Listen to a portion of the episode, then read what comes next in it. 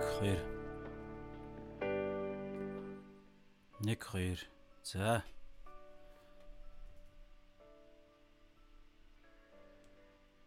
За орой минь тэтгэл яах юм гэсэн шүний минь. За би нэг.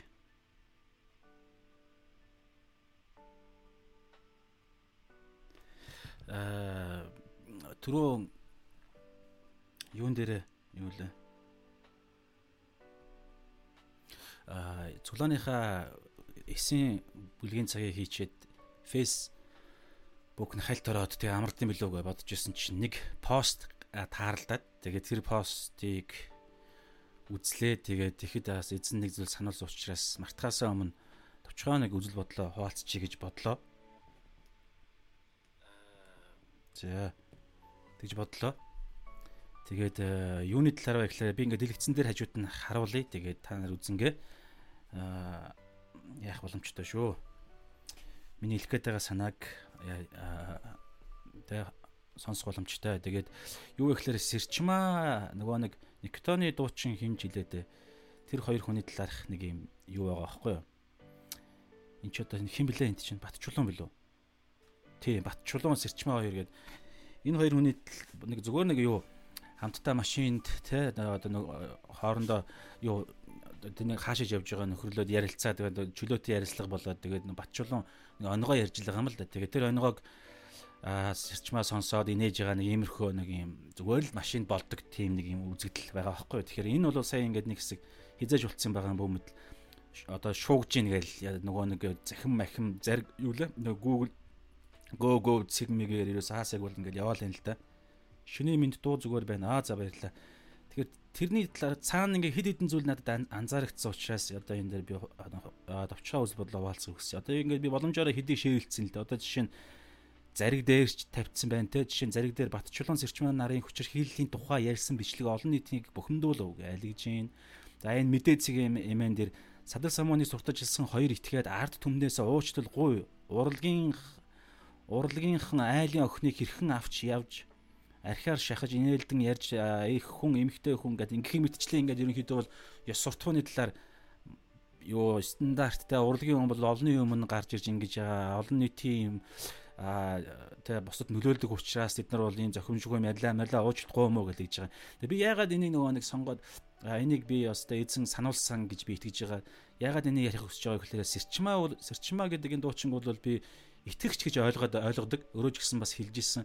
Тэр утгаараа би итгэгч а яг тэ үнэхээр жинхэнэ итгэгч мөн үү биш үү гэдэг дээр бол хинч мэдэхгүй сэрчмаа өөрөө энэ тал дээр бол юм нэг тодорхой байр суурь байх ёстой. Эсвэл ойр торных нь ойр тойрных нь итгэгч нар байх ёстой.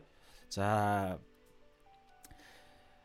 яг жинхэнэ те одоо итгэгч үнэхээр яг жинхэнэ одоо бидний нэг гэж би бол таамаглаад эсвэл зүгээр нэг жинхэнэ итгэгч те одоо бидний нэг бий ч гэсэн ялгаа байхгүй нийгмийн дунд ингээд явж их ингэж бүдрэх гэдэг юм нэг юм барьц алдах хайн байдлаасаа болж ингэж өрхөнд унах тиймэрхүү нөхцөл байдал харагданаа, тийм эрсдэл байна гэж би бодсон учраас нэг зүйлийг хуваалцахыг хүсэж хүсэж байгаа байхгүй товчхон.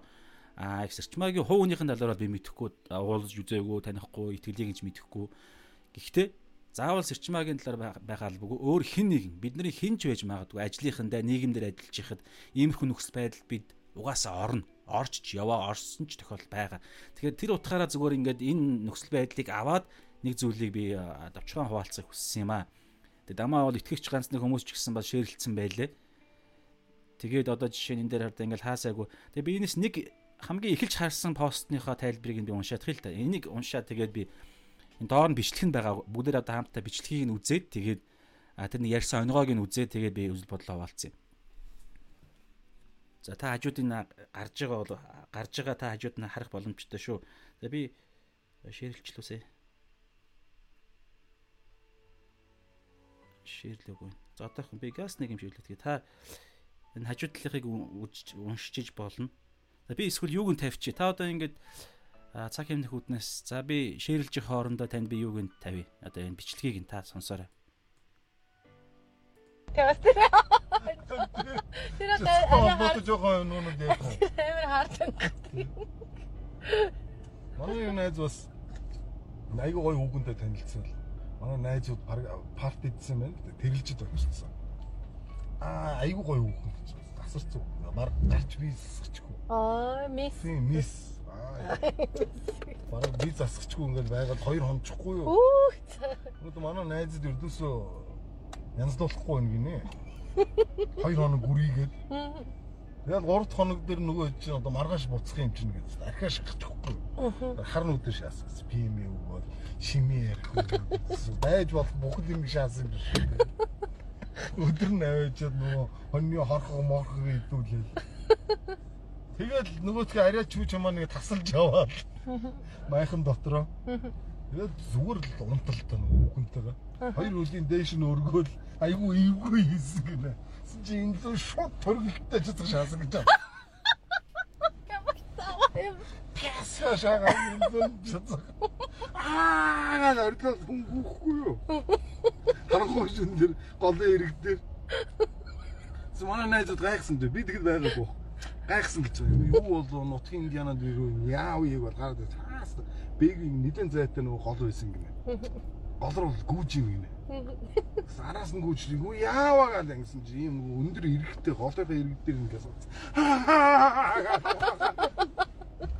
Дуу гарцдаг шокнд орж дээ. Тэгээс. Хамгийн гол нь тэр чинь зүгээр нэг юм цэцэг удаад тэр доороод ингээд зогсон шүү дээ. Тэр нүг хавийн юм авч хольж шаагаад. Бүр даралтай.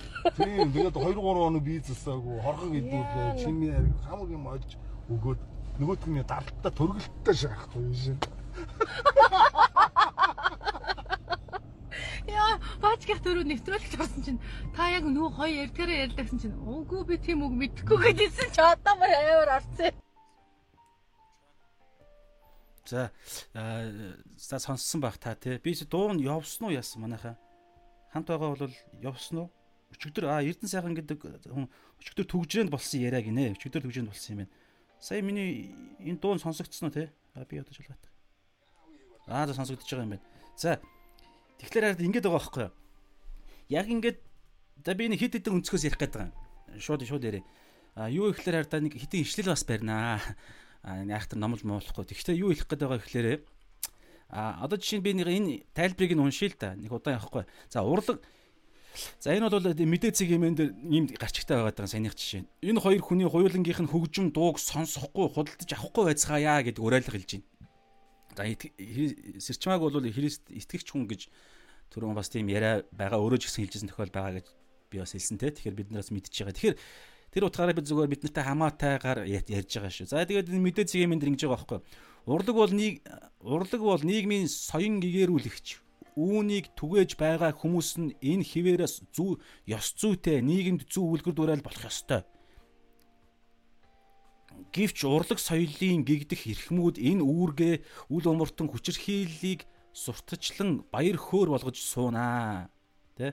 Тэгснээр тодруулбал дуучин сэрчмаа дуучин батчулуу нарын онгоо гэж тодотхон олон нийтэд түгээж буй энэ нэгэн жишээ олон нийтийн шүүмжлэлийг дагуулж байна. Дуучин батчулууны зүгээс найзуудынхаа нэгэн бүсгүйг зугаалганд авч яваад санаатайгаар согтруулах ундаа өгч бэлгийн дарамт үзүүлсэн тухайга баяр багталтайгаар ярих Үүнийг нь дуучин сэрчмээ учиргүй баярлан хүлээн авч инээд ханиадан болгож буй бичлэг нийгмийн сүлжээнд цацагдаад байна. Тэд ийн харанхуй бүдүүлэг ёс суртахуунгүй үг үйлдэлийг гаргалаа юун соён гэгэрэл дуртай болгон лайв хийж амандаа орсноо ярьж нийгэмд энэ мэт буруу үлгэр үлгэрлэгч нарт хуулийн хийгээд ёс суртахууны хариуцлага оногдуулах зүүн хэрэг үзээ гэдэг нэг юм юм ярьж байгаа. За энэ бол үнэхээр санал нэг байна. Нэг мэдээж ойлгомжтой. Бид нар бол санал нэгдэнэ. Тэ? За ингэх мэдчлээ ингээд хүмүүс шеэрлээ шеэрлээд ингээд ингээд яваад байна л та ингээд янз бүрийн байдлаар ингээд шеэрлээд. За тэгэхээр би ямар байдлаас ярих гэдэг вэ гэхээр ингэж байгаа байхгүй юу? Аа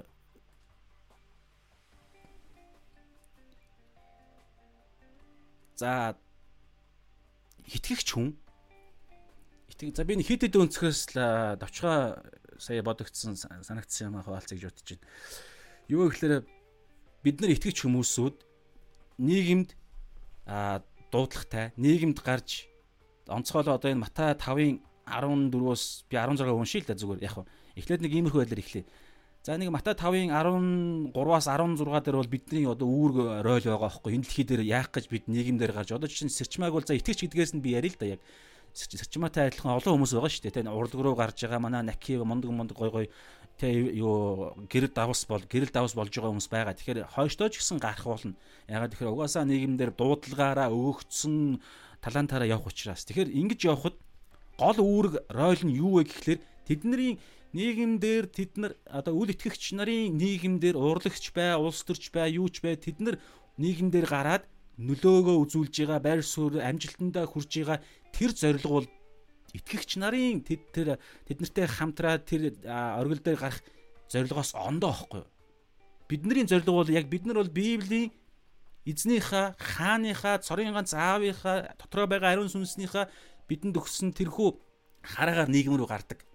Мэдээж яг адилхан хийдэг юм а хийгээд ингээд адилхан нэг хэлээр яриад яриад явна. Гэхдээ сорилго нь ондоо тий жишээ нь одоо Матад 5-ын 14-өөс би 10 14 16-г уншия л да.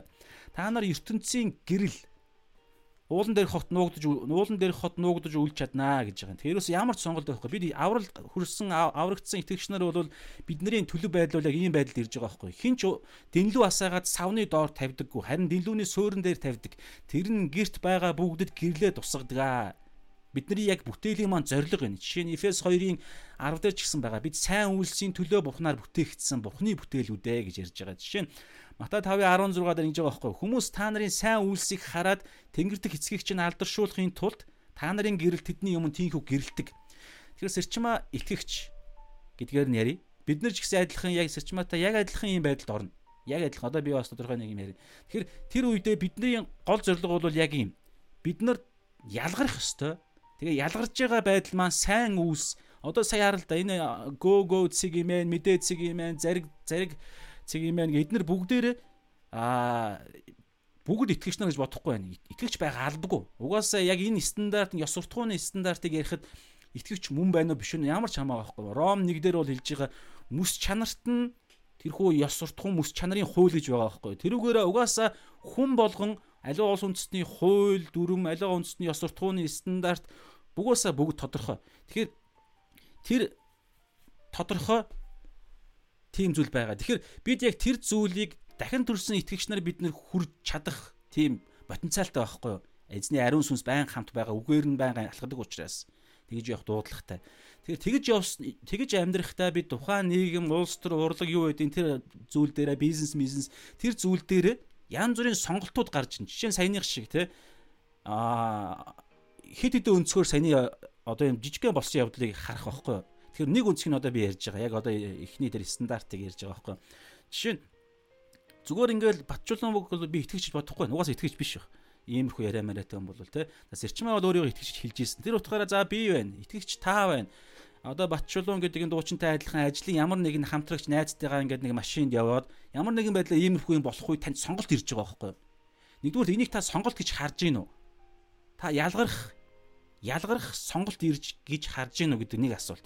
За тэр үедээ нэгдүгээр бид тэрийг олж харж чаддаг байх хэрэгтэй. Ягаад тэгэхээр ариун сүнс бидний дотор байнга байж бидний бидэнд эзний үгийг Есүсийн үгийг ойлгож ухаарахад оюун санаагаа шинчлэхэд захин биелүүлэхэд сануулах тэр биелүүлэхэд нь туслах дуудлагатай. Тийм учраас ариун сүнстэй л гэгдэж байгаа бол тийм хүн байгаа бол бид нар эзний үгээрээ салхаж байгаа учраас яа энэ үед сонголт гэж нэгдүгээрт хараад хоёрдугаар тэр сонголт хийхдээ эзнийхээ үгийнхаа дагуу ариун сүнсний дагуу бид сонголт хийх хэрэгтэй. Ингэж сонголт хийх үед бид сайн үйлс болоод байгаа байхгүй юу? Сайн үйлс. Одоо жишээ нь Матай 5:16 хүмүүс та нарын сайн үйлсийг хараад одоо саяны зариг цэг юм ээ, гөө гөө мэдээ цэг юм ээ гээл эдгээр бүгдээрээ тэр нэг сайн үйлсийн сайн гэдэг ёс суртахууны стандартыг бүгд мэдж байгаа үстэй. Хүн болгон итгэж байх албагүй. Яахаараа урлагийн ийм ундаг хүмүүс урлагч биш. Зүгээр энгийн баг итгэвчгүй ингээд лайв хийгээд иймэрхүү барихад бол те олон нийтийн газар яаж ингэж байгаа? Ер нь хүн байж ийм ирэх хүн байж та аавтай ээжтэй их нэртэй өөж яагаад тийм муухай найзынхаа тэр одоо хүч хүчин байгааз хүчрхийлсэн байгаад байгаа байхгүй. Тэр хүчингийн завхаарлын бүр хүчрхийллийн гимт хэрэгт тэр эмхтэй одоо жишээ саяны юун дээр ярьж байгаа эмхтэй 3 өдөр л хамт байсан юм байна л та. Тэгээд эхний 2 өдөр бол маш тийм бие барьж Тэгэл сая эдний өөрсдийнхөө хэллэгээр бол та ингээл аа би хаамаа гэж ярьж байгаа. Тэр хоёр өдөр бол бие барьж тэр эмхтэй үнэхээр одоо би бол тэгж харж ил байна л да. Юу гэдэг маш тийм өөрийгөө хамгаалж исэн байгааз. Гэтэл сүүлдээ 3 дахь өдөр дээрээ тэд нар янз бүрийн архиар шахаж игаад тэгээд архиар хордуулж ухааныг нь хордуулж өвчлүүлчихэд тэгээд хүчрхийлж байгаа зү. А тэгээд тэр мэр бол ингээд одоо энэ би хүртлээр анх сонсонгуутлаа а энэ саяны посттойгоор сонсохдоо ингээд шүүмжлэлтэй сонсож байгаа юм. Тэгээд тэгэд сонсоод сонсоод яасан гэж яг тэр жацх мацхны хэсэг ярихад би инээж байгаа байхгүй. Энийг ярих гэдэг байгаа. Энэ маш аюултай. Энэ маш аюултай байгаа даа байхгүй. Тэг инээд инээд тэгээд нэг энгийн зүйл дотор нь цаана гимт хэрэг даллагдаж амар юм цаана нуугдж байгааз Аа тэгээ тухайн мөчд болохоор энэ юусоо мэдрэгдэхгүй. Шууд нэг юм урсгалд орно ингээд ороод тухайн би бол сэрчмаг зүгээр сая бол зүгээр л сэрчмаа бол энэ зүгээр барь цаалд бараг бодож ч амжаагүй. Тэр инээдэм тэр нэг юм бараг бид нар баг байхад нөгөө нэг гижигтгэхэр гижигтэх гэдэг бол ангаах ухааны зарим юугаар бол бас хүчрхийлэл гэж ярьдаг штеп.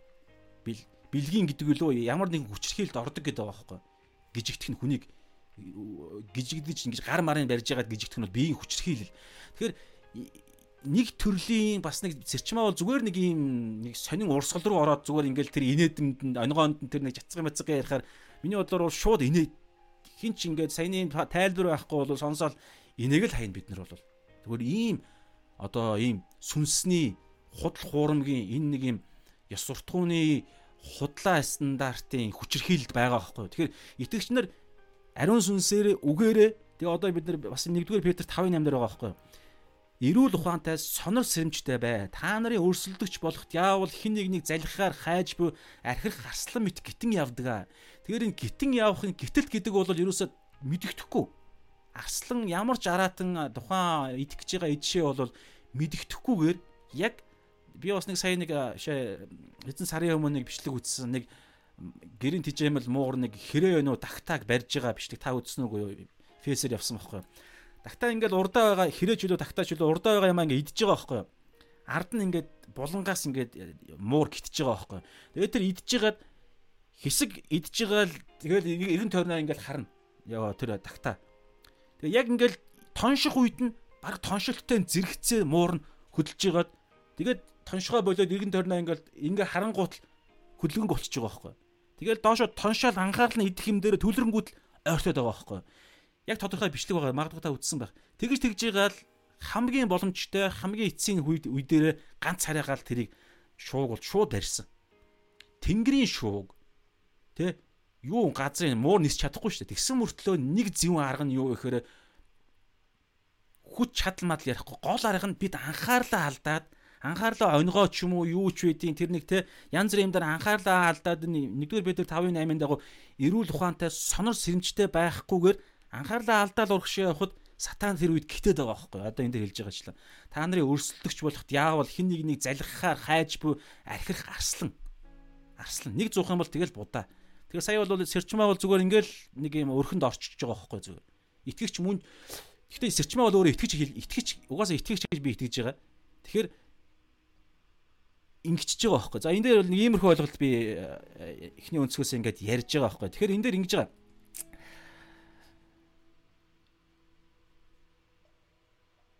Гин алдж байгаа. Гин алдж байгаа.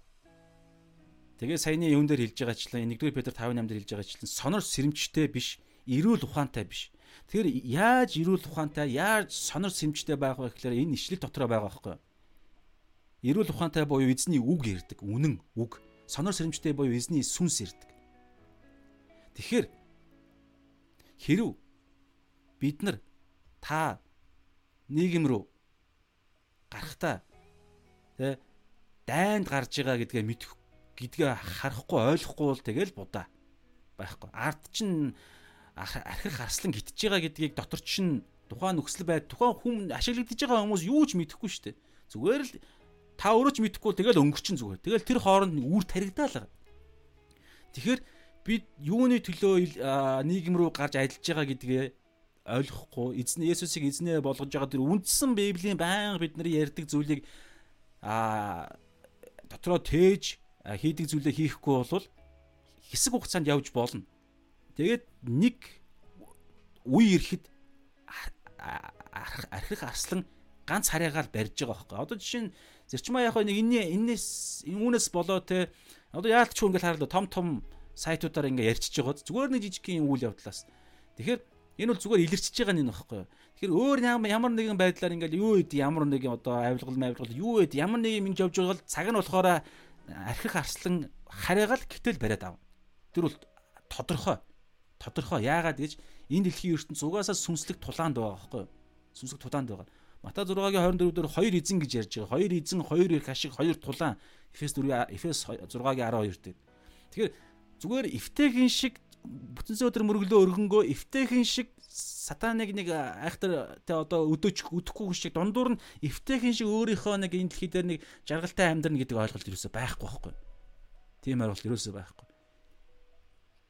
Есүсийг эзнээ болгож эрүүл ухаантай сонор сэрэмжтэй байнгын сэрэмжтэй явахгүй бол нөгөө тал аль хэзээ бид нар руу а бидний эсэг юм чи явцсан ихэлцэн явцсан байгаа байхгүй. За тэгэхээр ямар ч байсан эхнийх нь өнцг нь бол нэг иймэрхүү өнцг байгаад байгаа юм. Сэрчмаа а одоо бидний нэг сэрчмаа тухайн үед зүгээр өөрийн мэдлгүй одоо юу гэдгийг тэр нэг ёс суртахууны хүчрхийл гэдэг юм уу нэг инээдэм зүгээр нэг явж байгаа уурсгал тийм мэдрэмжгүй байдал анхааралгүй байдлын өрхөнд орчиж байгаа байхгүй юу. За энэ бол миний харж байгаагаар эхнийх нь гэж харж байгаа. За хоёр дахь нь бол шүү дээ би шууд бод мартахаас өмнө хэлье гэж бодож байна. Хоёр дахь нь юу гэхээр Эфес 6-гийн 12 дээр угаасаа түрүүн хэлсэн ингэж байгаа байхгүй юу. За би гаргаж итгэл ээж л дээ. За би зүгээр чэйдэлцэн би та өсвөл харчаарай. Ингэж байгаа байхгүй юу. Эфес 6-гийн 12 дээр бидний тэмцэл бол мах бодны эсрэг биш. Харин энэхүү харанхуй ертөнцийн харанхуй ертөнцийн саяны урлаг муурлаг улс төр бизнес бүгд орно. Энэхүү харанхуй ертөнцийн захирагчид эрх мэдэл хүчнүүд тэнгэрлэг оршихуйд алив алив алив муу ёрын хүчний алив муу ёрын хүчний эсрэг гэж байгаа. Тэнгэрлэг оршихуй. Тэгэхээр энэхүү харанхуй ертөнцийн захирагчид эрх мэдэл хүч тэнгэрлэг оршихуйд алив ёрын муу сүнслэг хүчний эсрэг гэж гэж байгаа байхгүй. Юу хэлэхэд байгаа гэхээр мах бодны эсрэг биш буюу бодиттой биднэрт дайсан маань харагдахгүй. Зүгээр хүмүүс хүмүүсүүдийн бий болгосон нийгэм зүгээр нэг ёс суртахууны стандарт тэгээд бид баригдахгүй бол ингээд яваад иж болно баригдахгүй бол их нэртэй баригдахгүй бол араар нь тавьж болно гэж хараг энэ дэлхий ярьдаг. Яг баригдах юм бол тэр сафаарсан болно. Баригдахгүй бол яг адилхан хулгай хайлаа гэж бодъё. Баригдахгүй бол хинч мэдэхгүй. Тэр хүн өөрийгөө өө би хулгайч биш гэж хэлэхэд хинч мэдэхгүй аа биш юм байна гэж бодох боломжтой гэсэн үг байхгүй. Хүн алгах гэсэн ялгаа байхгүй. Яг тэр хүн үхчихэж л хүн алсан гэдэг юм ярина. Гэтэл өөр юм ярихгүй. Харин бидний сүнслэг бид нар мөнхийн хувь тавилантай холбогдсон энэ дэлхийн ертөнцийг бүтээсэн бүтээгчтэй холбогдсон сүнслэг тулаанд байгаа бид нар бол өөр стандарт ярддаг, өөр төвшөнд ярддаг. Тэр утгаараа бидний дайсан бол өөр төвшөнд байхгүй бас. Харагдахгүй тогтолцоо нь худал хуурмаг гэдэг тогтолцоо байгаа. Тэгэхээр би хэлэх гээд байгаа гэхээр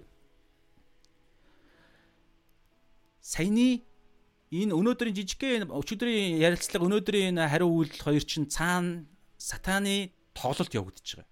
Би бол надад шууд шууд тэгж харагдаж байгаа. Магадгүй та харж байгаа. Юу гэхээр Батчулууныг тэгж яриулсан нь Сэрчмаг зүгээр тэгж гин алдуулсан нь худал хуурмаг цаана найдалж байгаа энэ дэлхийн ертөнцийн захирагч гэж ярьж байгаа. Хоёрдугаар Корин 4-4 дээр бол энэ ертөнцийн бурхан нь гэж ярьж байгаа. Бүр жижиг жижиг бээгэр энэ тэр нэг хүч байхгүй юу? Бидний тэ одоо бидний тэ Библиэд хэлсэнчлэн бол сатан чөтгөр гэж ярьж байгаа. Тэр худал хормог адгийн хорон муу нэг. Тэгээ тэр муу нэгэн бат чулуунагч тийм болгож байгаа, тэгж яриулж байгаа. Тэр бат чулууны найзыг ч гэсэн тэгж завхаарлын бузар муугаар нь тийм махуудын хүслээр нь боолчилж гин. Тэгээ тэнд нэг юм болгосон тэрийг нь онгоо болгосон бат чулуун тэрийг нь ярьлаа. Сэрчмаа тэнд одоо юу юу хийж явсан мэдээж найз урлагийнхаа учраас хамт явж гин явах замдаа ингэж ярьлаа. Сэрчмаа гэдэг гин алдуулж те лайв мав хийлгэлээ. Тэр үеэрээ ийм гинт нэг ийм ярихт нь те тэн дээр нь анхаарамжгүй зүгээр ингээл урагшаа яриулж гин тэгэнгүүтлээ ингээд сэрчмаа яриулчлаа. Тэгсэн чинь тэр нь лайв болсон учраас олон нийтээр цацагдлаа. Цаана бүгдийг нь худал хумог чөтгөр ажиллуулж байгаа.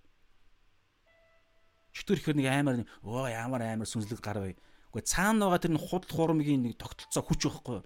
Тэгэнгүүтлээ тэгээд ингээд тэгэнгүүтлээ дараагаар нөгөө нэг чөтгөрч нь худал хурмын яадаг вэ гэхээр ингээд өөрөө тэгж хүмүүсүүдийг гим нүгэл үйлдүүлчихэнгүүтлээ дараагаар нь өөрөө шүүгч нь болдог.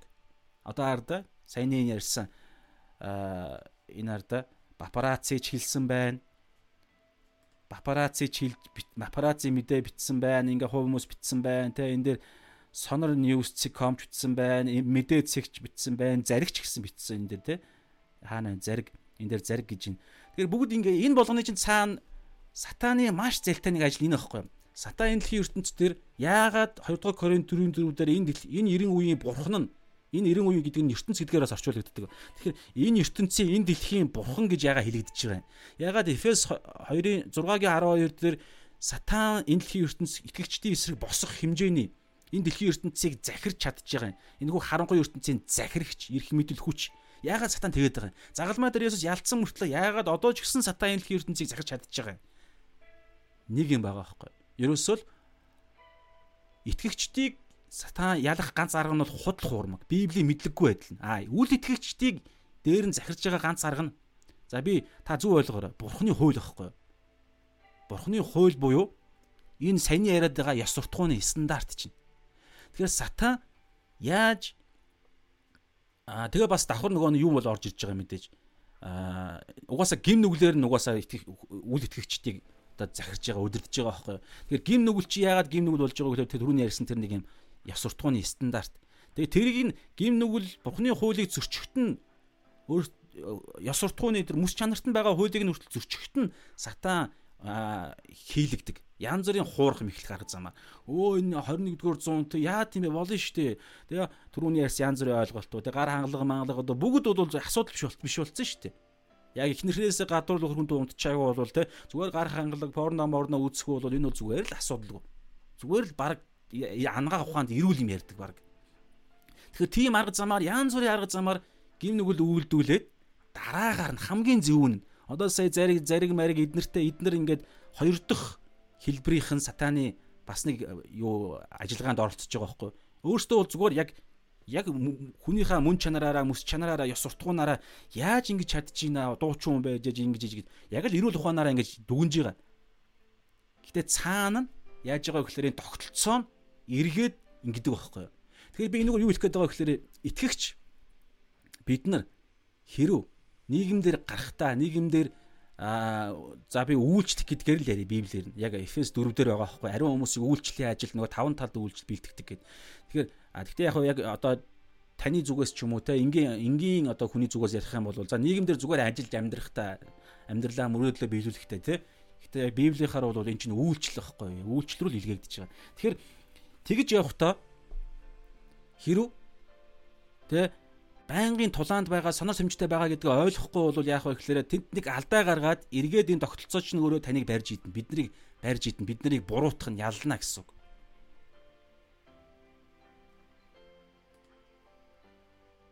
Тэгэхээр энэ дээр нэг нэг хүн бас зарим хүмүүс ийм би зүгээр ингээ бодоход надад ийм бодол төрсэн. Зарим хүмүүс ингэж ярьж болно. Ингэж ярих бас нэг үнцэг байгаа. Гэхдээ магадгүй сэрчмаач гэсэн ийм юм бодлыг магадгүй зүрхэндээ тгээ явж ирсэн байх магадaltaй. Би зүгээр таамаглаж байгаа. Тэр нь юу вэ гэхээр Гэхдээ ингэж явхад хүртэл дундаа нэг алдчихж байгаа байхгүй санийх. Гэхдээ би бас нэг юм үнцэг байгаа. Тэгээ би нэг одоо дахиад нь хоёр үнцэг ярина. Тэгээ баг болчих байхаа гэж бодож байна өөр өнцгүүд ч гэсэн байгаа шүү тань сануулж байгаа. Юу нь юу гэхээр би уншил та. 1-р Коринт 2-ын 19 22-ыг би уншия. 1-р Коринт 1-р Коринт 9-19 Учир нь би бүгдээс чөлөөтэй атлаа гэж байгаа юм. Чөлөөтэй. Одоо жишээ нь итгэж бид нар юу гэдгийг бузар муу юм хүм сонслоо гэд бид нар бузар муу худал хормог бид нар лөө ороод бид нарыг бүдрүүлээд бид нарыг занг олоод ингэх тийм дорой биш байхгүй уг нь бол Харин ч бид тэр бузар мууг олж илрүүлж мэдэнгүүтлээ нөгөө нэг түрүү Мата 5:13-аас 16 дээр байсанчлан бүр ингээ гэрэлтэх байдлаар илчилдэг өгнө. Тий. Гэхдээ энэ дээр нэг ийм үнцэг байгаа байхгүй юу? Ийм үнцэг. Заримдаа бид нар иймэрхүү байдалд ордог. Орохч ёстой үе бас байдаг шүү. Сайн мэдээ дараах үед. Юу гэхээр учир нь би бүгдээс чөлөөтэй атлаа илүү олныг олж авахын тулд өөрийгөө бүгдэд боол болгосон. Заримдаа Паул ч гэсэн бас хэлдэг те баян мөртлөө биш юу гэдэг лээ өөртөө ядуу мэт мөртлөө бусдыг баян болгохсод гэд нэг иймэрхүү хандлагаар ярьдаг штеп. Дэлхийн ертөнцийг харах юм бол бид нар нэг дорой, нэг арчаагүй, нэг ядуу, нэг нэг юм нэг шашинлагтай нэг юм нэг л нэг юм баригдмал туйлширмал нэг юм хөгийн нэг дорой хүмүүс шиг харагддаг. Өөртөө ихтгэл байхгүй, зориг байхгүй, энэ дэлхий дээр орон байрч байхгүй, машинч байхгүй, тэгээ ихнэрч байхгүй, одоо юу ч байдгийг. Тийм шиг мөртлөө бидний биднээр дамжуулж хийж байгаа зүйл нь бусдыг баян болгодог. Тэгэхээр энэ дээр нэг ийм санаа байгаа байхгүй юу? Тухайн хүний төлөө нэг юм дүр дорно гэдэг юм уу? Тухайн хүний төлөө доошоо буугаад тухайн хүний ойлгох хэлээр нь харилцах гэдэг нэг юм байдаг магадгүй зүгээр сэрчмаа иймэрхүү төлөв байдал донд явж исэн байх ч магадгүй. Гэхдээ энэ донд яг энэ яг энэ байдлаар явсан гэдэг нь бол жоох асуудал тэгж харагдахгүй байгаа байхгүй. Жишээ нь саяны лайв хийж байгаа байдал нь төсгөл дээр нь хэлж байгаа тэр нэг юм тэ тайлбар майлбар нь бол тэ тайлбарч явахтай тэр тайлбар нь хүртэл бас тэ бочлоо нэг жоох хийчих шиг л болсон л да баг хилчилчих шиг бас нэг гэрэлтэх нэг хэлбэрч юм шиг тэ. Түрүү өмнө нэг ингэж хэлж байгаа байхгүй. Сая хаанч байсан нэг уулзалт ч юм уу нэг юм болсон юм байна л да. Та үзчихээрэй Тэр тэр үеэр ингээд те ингээд бачлуу хин чукаах ч билүү хин ч гэлээ тэр ахыгаа хэлж байгаа. Тэгээ өө би ийм хэлээр ярьдаггүй мэрдаггүй гэсэн сая бол өстой хамаагүй ярьж ин те гэл нөгөө нэг те нэг иш үсгээр ихэлсэн үг мүгтэй нэг эвгүй үг хэлсэн шүү дээ. Тэрийг нь бол ингээд зүгээр илэрхийлэх чинь шоглох байдлаар илэрхийлж байгаа байхгүй. Иймэрхүү тайлбар хэлж байгаа. Тэгээ тэр нь яг гол нь ингээд лайв хийж байгаа байдал яг тэрний эвгүй үе дээр нь инээж байгаа байдал. Тэгээд тэр үе дээр нь за яг инээх нь угаасаа хүн чинь нөгөө нэг юм дорой уучраас ингээд те чацхан нацг ярьсан чинь би хүртэл инээж байгаа байхгүй. Тэгэхээр гол нь тэр нь яг хамгийн гол нь тэр нэг эвгүй юм хэлэхэд за инээч инээгээд алдчихлаа гэж бодё. Дорой бид нар чинь дорой штэ. Гэхдээ хамгийн гол нь тэр лайв хийж байгаа бол бусдыг бүдрүүлэхгүй тулд өөрийгөө би ялга Матай 13 дээр байгаачлан Улаанбуудаа ургац үрийн сүлийн буюу тэр хогийн ургамал хоёр чинь угаасаа ургац хураах хүртэл хамт урга ургагээ гэд ургацсан эзэн хэлчихэж байгаа байхгүй. Тэгэхээр угаасаа ургана. Шүүлтийн өдрөг хүртэл угаасаа энэ дэлхий дээр ингээд холилдоод явна. Тэгвэл гол юм нь Улаанбуудаа ургацсан үрийн сүлийн ургацаас ялгарх ёстой байхгүй юу? Тэгэхээр тэр ялгаа малгаа тэр тэгээ итгэж гэдгээ мэдж байгаа учраас тэгээ өөрийнхөө байр сууриа гэрэлтэх ёстой. Тэр бүх зүйлээ яагаад ядаж инээгээд дадлаж болно, бүдэрж болно. Гэхдээ тэн дээр нь тайлбар ганц нэг ганц нэг үг хэлэх ёстой байсан байхгүй юу? Эрүүл ухаантай, сонор сэрэмжтэй итгэгч нар бол юу гэхээр те инээнгүүтээ таас та одоо юу гэдэг юм. Би байсан бол те яалчгүй инээгээл ингээл бүдрээл ингээл тэр нь хүртэл лайвд орчлоо гэж бодъё л да. Тэгвэл тэн чинь шууд лайв байсан байгаагүй тэр ярьж байгаа юм дунд аимшигтай хорон гимт хэрэг юм ярьж байгаад тэр үед чинь те яа тэгтэл танаа найз чинь бас те яана тэгэхэр чинь ингээд баг би бол ингээд ярилцсан би ярилцсан. Би бас өөрийгөө гадралж байгаа те өө тэгэхэр яана тэгээ тэр эмхтэйг тэр эмхтэйг найз чинь хүчин тцсэн юм уу гэдэг асуулт. Гэрэл би гэрэлтэж байгаа байхгүй тэр үед. Тэгэхээр гэрэлтийн мэрэлтий гэдэг биш. Угаасаа миний бидний библитэйгаа эзэнтэйгээ хамт явсаар байвал гинт гинт сонь сонь юм ярихад бид шууд ингээд шууд тэрийг мэдэрдэг байхгүй юу. Тэр утгаа итгэгч найзууд хүртэл сууж игаад тэр утгаа итгэгч хүмүүсүүд хоорондоо ярьж байгаад нөхрөл дундаа одоо би нэг ишлийг хуваалцсан. Тэрэн дээр маш тодорхой байгаа. Зүгээр итгэгч хүмүүс хоорондоо ингэ ярилцж байгаад хүртэл бидний зүрхний бэлхлаар ам ярьдаг гэдэг ишлэл байгаа. Тэнгүүтлээ Иремья 11-ийн 7 дээр чинь одоо юу гэж байгаа гэхээр 17 11 дээр чинь бидний зүрх хорон муу идэвшгүй хэн ойлгож чадах вэ гэж байгаа байхгүй. Тэгэхээр ариусгалын процессын дунд явж байгаа учраас бидний зүрх хорон муу байдлаасаа арилгаж явж байгаа байхгүй ариусгал. Тэр утгаараа заримдаа бид гин алдаад итгэгч нарын нөхрөл дунд хүртэл яадаг гэхээр янз бүрийн сонь сонь юм ярьцдаг. Тэгэхэд хүртэл итгэгч нар тэрийг өнгөрөх ёсгүй байхгүй юу? Өнгөрөх ёсгүй. Шууд тэр үе дээр өө саяны чи тэгж бодог байх те найзаа майзаа гэж байгаа ямар нэг арга замаар тэр үгийг нь тэр тэр хүн өөрөө мэдлгүй ярьсан үгийг нь тэр үг нь асуудалтай, тэр ойлголт нь асуудалтай, ингүүл эрсдэлтэй шүү хин нэг нэг бүдрүүлэх аюултай шүү гэдгийг нь хүртэл бид нар илэрхийлэх бие биендээ гэрчлэл бие биенийгаа аа бие биендээ те одоо засаж залруулах те бие биендээ тэгж гэрэлтэх тийм дуудлага ч гэсэн байгаа. Тэр утгаараа саяны тэр үйл итгэгч нар дээр бол бүр тодорхой байхгүй. Тэгэхээр бол ямар нэгэн байдлаар сэрчмаад их хэрэгтэй байсан бол гэтэл чадаагүй. А гэхдээ миний хэлэх гээд байгаа нэг үнцг нь юм байгаа байхгүй. Одоо би чинь уншил та. 1-р Коринт 9:20-оос юдэчүүдийг олж авахын тулд би юдэчүүдэд юдэ айдал хуулийн дор байгстыг олж авахын тулд би өөрөө хуулийн дор бус атлаа хуулийн дор байгстад хуулийн дор байгч мэт. Хуйлгуучуудыг олж авахын тулд хэдийгээр би бурхны хуулиас ангит бус харин Христийн хууль дор байдаг атлаа. Хуйлгуучуудад хуйлгүй нэгэн адил энийг дүрд орох гэх юм уу? Эсвэл нөгөө хүнд нөгөө хүнд сайн мэдээ тараахын тулд нөгөө хүний ойлгох хэлээр нь доошоо бууж сонсож өгөх, ойлгож өгөх, зүрхнээс зүрхэнд хүрэх нэг иймэрхүү янз бүрийн арга байдаг байхгүй. Одоо жишээ нь та 22-ыг уншил да. За би уншия. сул дороочуудыг олж авахын тулд би сул дороочуудад сул дорой нэгэн адил болсон юм а гэж. Бүхий л аргаар, бүхий л байж болох аргаар заримыг нь аврахын тулд би бүгдэд бүх юм болж байлаа гэж. Иймэрхүү нэг ганц л нэг юм надад нэг юм одоо юу гэдэг ээ зөвтгөх нэг юм өнцөг байгаа байхгүй. Гэтэ саяны тохиолдолд яг энэ өнцөг байсан гэж байгаа асуудалтай байгаагүй харагдаж байгаа. Ягаад тэгэхээр түрүү хэлсэн тайлбар байхгүй, лайв идэх ямар ч учиртай юм. Тэгээ ингэхдээ тэр тайлбар майлбар төгсгөл дээр нь тайлбар байхгүй, өөрийнх нь тэр нэг гэрэл ялгарж байгаа өнцгөн ч гэсэн лайвд нь ерөөсөө ороогүй. Тэр утгаараа асуудал болчихж байгаа. За бас нэг өнцөг байгаа. Тэрний юу гэхээр хараа түрүүн би ярьсан. Тэр итгэгч нар хүртэл хоорондоо. Тэгээ энэ иймэрхүү ойлголтын дээр бүр тодорхой.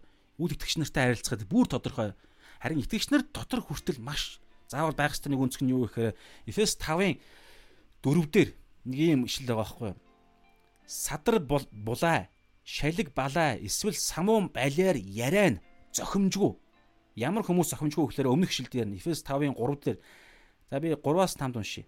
Харин ариун хүмүүст үйл нийцэх альва садар самуун, бузар булаа, шунлан та нарын дунд бүү дурддагдаг Тэгээ чааш нь үргэлжилж байгаа байхгүй. Тэгээ ариун тэгэхээр юу гэсэн үг вэ гэхээр ариун хүмүүс гэсэн үг. Ариун хүмүүст садар булаа, шалиг балаа, эсвэл самуун балиар яриан зохимжгүй хариу оронд нь талархлаа өргөж байгаа. За энэ би нэг энэ садар балаа, шалиг балаа, самуун балиар гэдэг нэг иймэрхүү орчуулга бол надад жоох ойлгохдохгүй байсан учраас би өөрийнхөө англи хэлнээс нь NSV-гээс орчуулах гэж оролцсон нэг ийм орчуулга байгаа. За би өөрийнхөө орчуулсныг тань уншуулъя. Унш үзүүлье. За Эфес 5-ын 4-ыг нь уншия те мөн садар яриа мунхаг үхс. Яг англи хэл дээр яг юм байгаа шүү. Та би зохиож бичээгүй шүү. Та өөрөө үзээрэй. NSB орчуулга нь мөн нэгдүгээрт ариун хүмүүст байх ёсгүй ярианууд нь ямар яриа вэ гэхлээр садар яриа байх ёсгүй. Мунхаг үхс байх ёсгүй. Мунхаг үхс. Тэгээд гуравдугаарт нь бүдүүлэг хошигнол. Сая чулууны хэлсэн тэр хошигнол. Итгэж биш хүмүүсүүд тодорхой. Гэтэ итгэж хүмүүсүүдэд ийм байх ёсгүй. Энийг нь дэмжигч ёсгүй садар яриа, мунхаг үгс, бүдүүлэг хошигнол зэрэг нь огт тохиромжгүй тул хэрэглэж болохгүй. Бүр маш хатуу хэллэгээрээ байгаа шүү. Зохимжгүйч биш. Хэрэглэж болохгүй юм юм тэ одоо маст гэдэг үг нь хүртэл орцсон байгаа байхгүй болохгүй гэж байгаа. Тэгээ хариу оронд нь талархлаа өрг. Яагаад талархлаа гэж ирж байгаа? Ямар ч нөхцөл байдал дунд эзэнд магтууштай, эзэнд таалагдах үйц үгийг хүртэл ярьдаг сонсохдоо хүртэл тийм чихээр сонсдог. Хариу үйлдэл хийхдээ хүртэл эзэнт таалагдах үз бурхан аавын хүслийн дагуух хариу үйлдэлийг хийдэг. Хариу өөрөө ч гэсэн тэгж ярьдаг. Сонсохдоо хүртэл тийм байдлаар сонсдог. Тэгэхээр үйлдэхдээ хүртэл тодорхой. Тэгээ энэ үедээ бид нар талархна гэсэн үг байхгүй юу? Эзэн минь намайг та өөртөө адилхан болгож байгаад та намайг хамгаалсанд, удирдсанд, миний амийг ашигла зөв зүйлийг ярьсанд би бүдрээгүйд Тэ гэрэл болж би ялгаагаа харуулж харуулсан талархаж байна гэдэг иймэрхүү байдлаар хэлж байгаа болоо гэж харагдаж байгаа. Тэгэхээр зөвхөн яриан дээр хүртэл ийм ярьж байгаа. Тэгэхээр үйлсдэр бол тодорхой байгаа даа байхгүй. Тэгэхээр эндээс би хэлэх гээд байгаа дараагийн санаа нь юу гэхээр итгэгчнэр бид нар хоорондоо онигоо ярих марих гэдэг асуудал гарч ирэх боломжтой мэдээж. Гэхдээ энэ би нэг чухал нэг өсвөштэй гэж би боддгоо. Гэхдээ яагаад вэ гэхээр онигоо гэдэг Христч онигоо байвал асуудалгүй. Христч онгоо дандаа одоо тухайн Христ итгэлийн үннийг ёжлох байдлаар гаргаж ирдэг. Гэтэл нийгмийн онгоонууд ихэвчлэн зүгээр нэг юм замбраагүй түрүүн энэ дээр хэлсэнтэй бүдүүлэг байгаад байгаа байхгүй юу? Дөрөв дээр садар яриа хошигнол дунд садар яриа маш их байдаг. Садар яриа бэлгийн ёс бус байдлууд. Тэгээ мунхаг үгс буюу ерөөсөө яамаа тэр хүний зүгээр мунхруулж идэг. Мангар тэнэг манантуулж идэг үгсүүд. Дээр нэмээд бүдүүлэг хошигнолууд амар бүдүүлэг сая харал та. Одоо бүр тэр тэрийг барьж одоо хэрүү Америкт иймэрхүү болсон болвол миний бодлоор бол гэхдээ Америк одоо яатсан байгаа мэдэхгүй. Ямар ч байсан бурхны хүмүүсүүд ийм ийм хошигнол хийвэл яах вэ гэхээр миний бодлоор бол за Тэнгэрийн аанчд бол яах вэ гэхээр Бачулуунаас очиж байцаалт аваад тэр найзыг нь илрүүлээд Гэтэ яарч ингэхгүй байх. Гэтэ ингэх үйц тийм аимшигтай хэрэг байхгүй. Тэгэнгүүтлээ найзыг нэрийг нь илрүүлээд найзтай нь очиод тэгээ тэр нэг хүч хүчндүүлсэн тэр эмэгтэйгээ ч гэсэн гомдолтой эсхийг нь асууд юм уу яа гэдэг. Гомдлгүй өгсөн ч гэсэн тухайн гимт гимт хэрэг байхгүй. За ингэж иймэрхүү юм болохгүй байх л да. Гэхдээ яг шүүлтийн өдөр яах вэ гэхээр саяны залуугийн тэр найзынх нь хүчрхэлсэн хүчин шууд бурхны уур хилэн болж тэр хүн дээр бууна угаасаа. Ром намыг бид нар судалж байгаа те. Гим нүгэл болгон уур хилэн болж шүүлтийн өдөр хураагддаг, хоримтлагддаг. Тэгэхээр ийм аимшигтэй зүйл саяны хошигнол дунд зүгээр ингээд яваад орчиж байгааз. Тийм учраас Эфес 5-ын 4-ыг бид нар чийлэх хэрэгтэй. Садар яриа, мунгаг үгс, бүдүүлэх хошигнол нь огт тохиромжгүй тул хэрэглэж болохгүй, байж болохгүй. Байх юм бол тэгж ярьж байгаа бол одоо бид өөрчлөх хэрэгтэй байгаа байхгүй. Энэ болгоны чинь цаана худал хуурмаг хорон юм гим нүглийн өрх занг нуугдж идэг. Тийм учраас би энэ гарчиг дээр а би гарчгийн дээр байхгүй. А байгаа. Намайг инээлгсэн нүглийн өрх гэдэг гарч гарч өгсөн байхгүй. Биднийг инээлгэж барьц алдуулдаг мөртлөө цаана нүглийн өрх байж идэг. За иймэрхүү над үнс зүгээр бодогдсон. Тэгээ хамгийн сүүлд нэг үнцгий хэлээд өндөрлөе. Юу гэхээр За одоо ингээд иймэрхүү иймэрхүү юм ингээд болохоор ингээд би сая нэг итгэвч хүн байх шиг байсан. Надтай найзлах шиг байсан. Нэг эмхтэй байсан. Тэгэхээр найз найз байхыг бодвол нэг mutual friend нь олон байсан учраас би авдаг л да ер нь бол. Тэгэхээр найз байсныг бодвол итгэвч байх гэж бодож чинь. Ядаж нэг бол цуглаан явдаг байх гэж бодож чинь. Нэг бол итгэвч найз нь уртай. Тэгэхээр тэр эмхтэй бол шууд сэрчмааг бол тэгж байгаа байхгүй. Энэ нэг юм харах болгондоо би уустаа нүд хорсдог морсдог гэд саяны имийг нь гаргаж ирээж шээрэлсэн байгаа байхгүй. Би одоо юуг нь гаргаад явах вэ бас. Хүний нэр хүнд те. Тэр хүн ч гэсэн бүдэрчж байгаа байхгүй. Ямар байлаар бүдэрж байгаа гэхээр бусдыг шүүснээр Юу вэ гэхээр яагаад шүүж болохгүй юм шүүх ёстой. Шүүх юм байгаа. Одоо бид нар доорч гисэн энэ дэр байгаа. Бид бусдыг шүүхтэй ялахын тулд биш, ялгаж салгахын тулд шүүдэг. Гэхдээ ямар үед бид шүүж болохгүй гэхээр ард ийм тохиолдолд би уншия л та. Методологийн 1-ээс 5 дээр байгаа. Бүү шүү, тэгвэл шүүгдэхгүй. За ямар тохиолдолд битгий шүү гэж хэлдэг вэ гэхээр өөрөө шүүлтэнд орох тийм тохиолдолд та нар хэрхэн шүүн түүнчин шүүгдгийг шүүнэ шүүгднэ гэж байгаа. Өөрсдөө хэмтсэн хэмжээс хэмжээсээ та нар хэмжигднэ гэж байгаа. За 3-аас Мата 7-гийн 3. Нүдэнд их дүнзээ анзаараагүй атлаа юунд чи ах トゥ угийнхээ нүдэнд хүрцгийг харна вэ? Эсвэл нүдэнд чинь дүнз байгаа атал ах トゥ удаа нүднээс чинь тэр үрцгийг аваад өгье гэж чи яаж хэлж чадна вэ? Хоёр нүрт. Мата 23 дээр фарисеучуудыг хоёр нүрт гэж 8 удаа золгууя гэж хэлсэн шүү. Вөө гэж байгаа. Тэгэхээр итгэгч нар ч гэсэн ийм аюул хүлээж байгаа шүү. Аюул эрсдэл тулаан байгаа шүү. Тэр утгаараа бид маш болгоомжтой байх хэрэгтэй. Хоёр нүрт чи эхлээд өөрийнхөө нүднээс дүнзээ авч хай. Тэгвэл чи ах トゥ угийн ах トゥ угийнхээ нүднээс үрцсийг авч хаяхтаа сайн харах болно гэж байгаа. Тэгэхээр бид ийм дуудлага байхын үед байгаа. Ах ах トゥ угийнхээ одоо жишээ нь би Сэрчмагийн нүдэнд байгаа үрцсийг би одоо энд ярих нэг ийм сорилтонд орж штэ. Тэгэхээр би сэрчмаагийн нүдэнд хүртсийг авах байгаа бол миний нүдэнд дүнз байх ёсгүй. Тэгээ яг тэгтээ ингэж яригдахад ямар үед бид бусдыг шүүх ёсгүй гэхээр нэг адил нэг талбар дээр жишээ нь дүнз үртэс хоёр нэг а материал байхгүй юу? Хуйлаа мод, дүнз бол мод, үртэс ч гэсэн жижигхэн мод. Тэгэхээр мод гэдэг энэ талбар ийм сэдв дээр би өөрөө амар том асуудалтай мөртлөө надаас харин ч бага асуудалтай нэг хүн ил хараг надад харагдахаар нэг юм гим үлдэх үед би тэр хүнийг хүүе библ ингэж хэлдэг гэд ингэж шүүх эрх байхгүй. Өөрөө би тэрэн дээр амар том дүнцтэй гэсэн үг. Харин би мод гэдэг энэ сэдв дээр ийм төрөл дээр би нүдэнд маань дүнц байхгүй, үртэсч байхгүй байх боломжтой шүү дээ. Итгэгч нар бид нар ийм ариусгалын амьдралаа дуудлах. Тэгэхээр ингэж чадах үедээ яах вэ гэхлээр одоо харин би бусдыг шүүж болно гэсэн үг. Тэгэхдээ нүднээс нь үрцгийг нь авч эрүүл болгохын тулд нөгөө хүнийг барьж байгуулахын тулд нөгөө хүнийг те а босгохын тулд Тэгвэл би наан дүнзээ авсан. Тэгэхээр асар том нүднээсээ дүнзээ авч авч миний нүдэнд сорив ором өвдсөн надад шарах ийм надад мэдээлэл дата байгаа учраас би сэрчмаагаас одоо эсвэл өөр хин нэгнээс би одоо жишээ нь тухайн хүний нүдэнд тэр үрцгийг нь авахта шууд яллаж буруутгахгүй. Ягаад тэгэхээр би өөрөө би өөрөө тийм зохисгоогаа мэдж байгаа. Би юу өртөс харин би бүр дүнз нүднээс авах хэмжээний ийм аимшигтай алдаа гаргасан.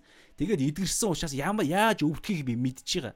Ямар ийм байдалтай ингэж бүдрэх бүдэрдэг гэдгийг би мэдж байгаа учраас сэрчмаагаас нүднээс нь үрцгийг нь авахтаа би одоо эсвэл өөр хин нэгнээстэй сэрчмаа гэдэг юм. Хин нэгнээс юм авахтаа бол би хайрын дотор хөвчлэн уулзаа те матадарс байгаа шүү дээ. Хөвчлэн уулзна үе шаттайгаар иймэрхүү иймэрхүү Ямархуу ямархуу хайрын дотор зөв байдлаар хэлнэ гэсэн. Тэгэхээр юу хэлэх гээд байгаа гэхээр сүүлийнх нь юм хэлээ өндөрлөө. Тэр нь юу гэхээр сошиал ертөнцид хин нэг нэг шүүхтэй, шүүж бид нар шүүж байгаа тохиолдолд Та тэр шүүлтээрээ өөрөө шүүгдэнэ. Тэр шүүгч нь хинбэ гэхээр сошиал ертөнцид ч байна уу? Та дотроо бодсон ч байна уу? Бод дотроо бодсон мөртлөө гаднаа илэрхийлээгүй байсан ч гэсэн.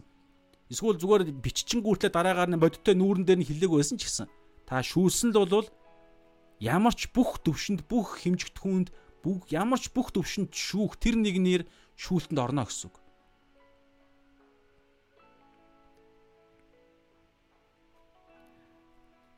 Гэхдээ ингэж шүүлтэнд ороход бол энэ үйлчлэлийн шүүлт ярьдаг. Итгэж хүмүүс бол те нөгөө нэг авралаа үйлсээ ингэж хийгим нүгэл шүүсэн учраас чи авралаа аврал ч наалдагдлаа малдагдлаа гэдэг ойлголт бол ерөөсөө байхгүй шүү. Энэ бол Библиэс гажуур ойлголт.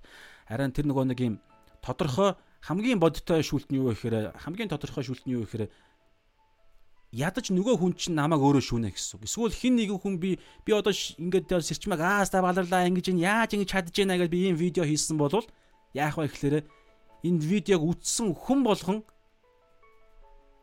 яг энэ мод гэдэг энэ одоо энэ үүд энэ бусдын ийм тэгээ одоо бүдүүлэг ийм хошигнол иймэрхүү юмн дээр бүдрэхгүй байх чаднаа гэж намайг харж харна харж шүүнэ гэсэн үг байхгүй. Оо сэрчмаг энэ ингэхтэй ингэж шүүж байгаа юм чинь өөрөө яг энэ байдалд орохороо тайван бол ингэж чадах юм байна гэд ийм шүүлтүүртэй явж гинэ гэсэн. Тэгж жигаад нэг өдөр би яг адилхан сэрчмаатай адилхантай иймэрхүү нэг найз маань ч юм уу итгэгч найз ч юм уу эсвэл нэг гудамжинд байгаа эсвэл ажлын нэг хамт олон ч юм уу иймэрхүү байдалд ороход би яг адилхан би чив чимээг өнгөрчих юм бол намайг тэр олон нүдүүд тэр олон хүмүүсүүд намайг шууд шүүнэ гэсэн үг. Тэгээ би буруутахад наа гэсэн. Буруутан болно гэсэн. Яа чи ингэж хэлж хоёр нүртэн гэдэг байр суурь тодорхойлолтод орно гэсэн үг байхгүй. Тэр утгаараа би шүүх надад ирэх байхгүй. А би үнэхээр чаддаг байвал би шүүж болно. Гэхдээ шүүхтэй яг одоо би одоо чадын яд хийх гээд байгаа нэг олон талт үнцгүүдээр гаргаж ирж а бурхны үгээр босгох анхааруулах байдлаар л ярина ярина гэдэг юм ярьж байгаа. За ингээд ерөнхийдөө бол хэлэх гээд байгаа санаа энэ байсан юм аа. За тэгээд ерөнхийдөө ойд хүмүүс бас юу битсэн бэ? Комент битсэн байна. Та харагдаж байгаа бол энийг уншаад тэгээд ерөнхийдөө нэмэлт юм хэлэхээр бол хилээтэй өндөрлөө.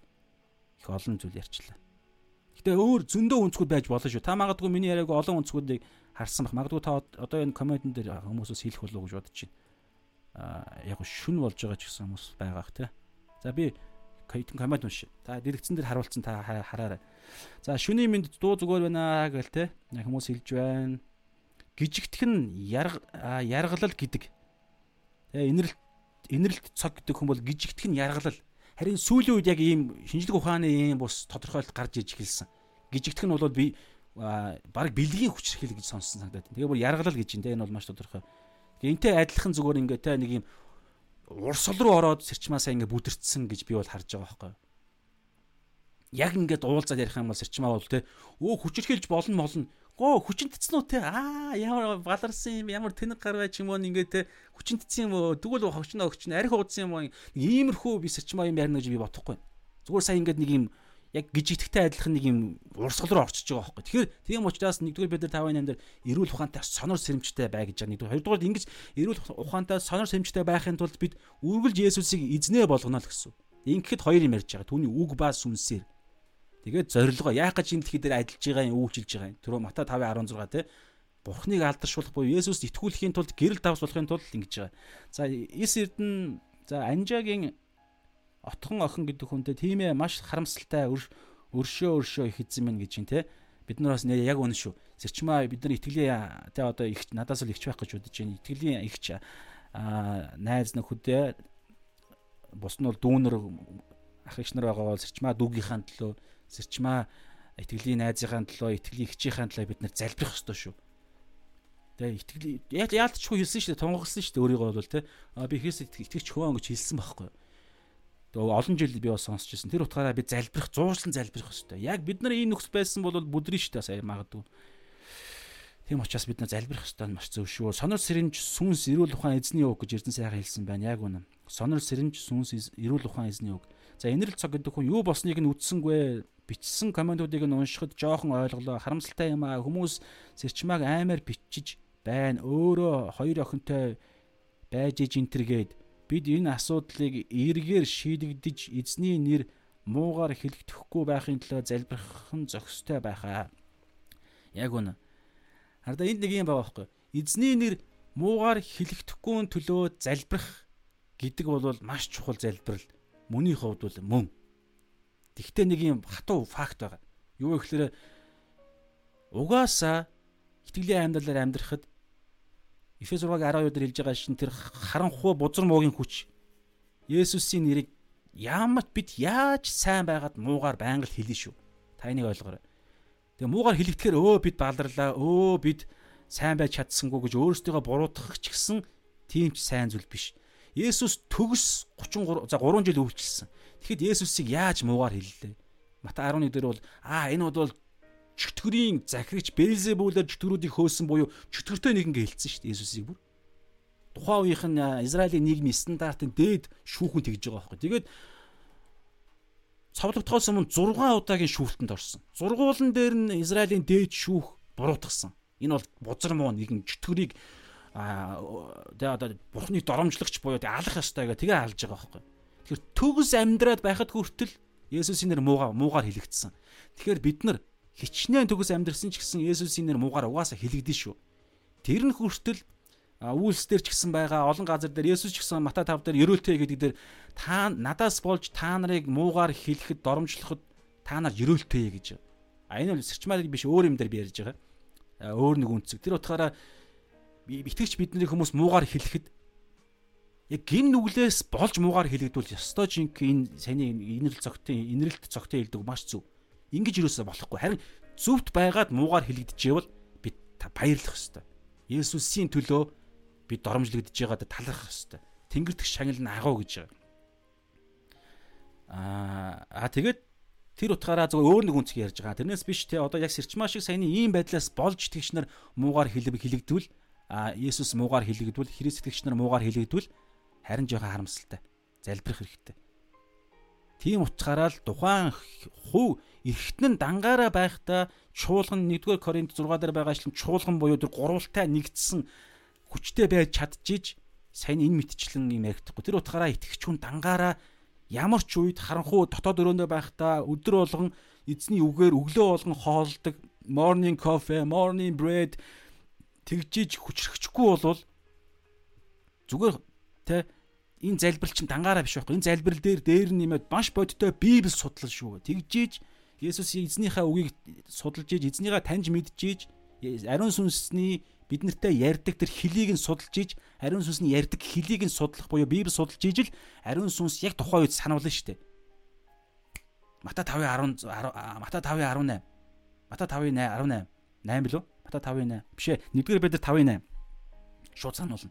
Тэгээд сэрчмаа санангуудлаа саяны энэ лайв хийж байхдаа шууд батчулуунд өөрийнхөө коммент хэлэх хэрэгтэй байсан байхгүй.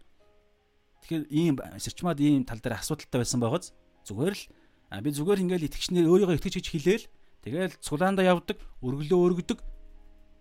Тэгээд тэ одоо юу гэдэг ямар нэгэн байдлаар ихээс итгэгчдийнхээ хамтралын юм дээр оролцдог байхад болно гэвэл үгүй сатан тийм амар тэгж сатан сатаны яг тулдаг арга зам нь тийм биш. Өө цулаанда явж байгаа юм өө тэгвэл баларлаа гэдэг юм байхгүй. Цулаан дотор нь хүртэл орж ирж чаддаг. Пастрыг хүртэл өөрийнхөө талд оруулж чаддаг хүн шүү дээ. Библиэлд байгаа шүү дээ. Эцсийн цаг үед хуурамч иш үзүүлэгч нар олноороо гарч ирнэ гэж. Тэгэхээр маш байнгын Есүсийн дотор явж сүнс багөөр нь явахгүй бол аюултай. Тэр утгаараа бид цэрчмаагийн төлөө, бие биенийхээ төлөө одоо манай улс одоо улс төрлөө гарч байгаа итгэгч нарын төлөө, урлаг руу гарч байгаа итгэгч нарын төлөө нэрийг нь мэдж байгаа тодорхой хүмүүс байгаа бол залбирах хэрэгтэй.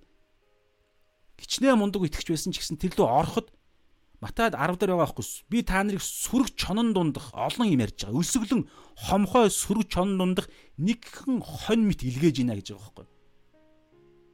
Тэгэхээр ганцаараа хонь байнга хончонтойгоо тэр гурвлын нэгдэлтэй хамт явахгүй бол байнга эзний үг ба сүнсээр явахгүй бол сүрэг чон бол угаасаа барьж идэнэ. Тийм учраас бид бие биенийхээ төлөө зуурсан залбирах хэрэгтэй шүү. Чуулганд бол хончин удирдахчийн төлөө залбирах юм ярьдаг. Нийгэм дээр бол та яг нийгэм дээр гарч байгаа тэдгээр хүмүүсүүдийн төлөө бид залбирах хэрэгтэй шүү гэдэг юм бодогдлоо. За тэгээд Ис Эрдэнэ сайхан 1 цаг 43 минут орчим үргэлжилсэн лайв. Саяны хэсэг нь гол хэсэгт болсон оногоонуудынх нь нэг нь. Аа энэ тайлбар хэлж байгаа юм шиг байна те. Энэ орчуулга Библи судлалын групп дээрээ тавиарай гэж байна. Энэ орчуулга. Аа за харин тийм ээ залбирна гэж. За тэгээ хамт исэн хүмүүстээ баярлалаа. Аа 55 минут болсон байна. За тэгээд маш товчхон залбираад өндөрлөө. Эзэн миний энэ цагийн төлөө талархъя. Тэгээд таваа сануулсанчлан бид бас боломжоор нөхөрлөх цаг гаргалаа. Тэгээд сэрчмаагийн төлөө хамгийн түрүүнд залбирж байна эзэн. Та түүнийг аварсан гэж бид итгэж байна эзэн. Тэгээд түүнийг та бас хүчрхжүүлээч. Үнэхээр дахин төрсөн хүн бол аль хэзээ тэр ариусгал нь эхэлсэн байдаг. Гэхдээ сэрчмаагаас бүрэн хамаарна эзэн. Тэр үнэхээр байнгын үгэн дотор, байнгын сүнсэн дотор явахгүй бол төлөвшөх маш бодтой сүрэг чон дундахын тулаан дунд нэгдүгээрт өөрөө аврал дотроо яв. Хоёрдугаарт бусдад гэрэл болж Мата 5:16 биелүүлэх чадал ямар ч боломж байх ёо хэцүү байдаг эзэм нөх ялагдах болно. Тийм учраас Есүсийн таны үг ба сүнсэн дотор явахад нь та түүнийг удирдах. Тэгээд энэ хүү өнөөдрийн өчигдрийн ярилцлага өнөөдрийн онлайн энэ хүү одоо энэ урсгал одоо сэрчмаад шууд нөлөөлнө. Сүнслэг дайралтууд ч гэсэн орж ирэн тийм учраас түүнийг та хамгаалаач эзэн тэгээд энэ зүйлээр дохио болоод бас анхаарал сэрэмжлүүлэг аваад гимшил өөрийгөө хүлээх байдал улаах байдлаар дамжуулаад шин төвшөнд гаргаж өгөөч. Тэгээд үргэлж санал сэрэмжтэйгээр урлагт гарахт нь та туслаараа эзэн. Тэгээд зөвхөн сэржмаат биш олон олон итгэлийн ахын дүүс нар байгаа. Онцгойлон бас нахиг маань санагдаж байна. Тэгээд нахиг маань ч гэсэн та бас бид хамгаалж өгөөрэй. Тэгээд энэ хүү тэгээд бас Элсианчлын нараа бастрын охин Эрдэнэ инэрл сайхан дүү маань ч гэсэн байгаа. Тэгээ бас хамтлаг үүсгээд явж гин. Тэгээд энэ гих мэдчлэн олон олон хүмүүсүүд гарахад та хамгаалж өгөөч. Энэ аимшигтай тулаан дунд үргэлж сүнс ба үгээр явахтан та өдөрдөрөө тэгээд бид нар бас үргэлж бие биенийхээ төлөө зууршин залбирахад туслаарай. Тэрнээс биш шүүж сатааны үг ам нь болж буруутгахыг та бидэнд бүүж өгшөрөөч. Ингэснээрээ бид нар ч гэсэн бас бүдрэх хүчраас. Есүсийн нэрээр энэ цагийн төлөө талархан даатхан залбирч байна. Амен. За хамт ирсэн хүмүүстээ баярлалаа. Тэгээд дараагийн маргааш өдрийг тулаанд эзний үг ба сүнсээр сэрэмжтэй байдлаар үргэлжлүүлцгээе. За сайхан амраарай.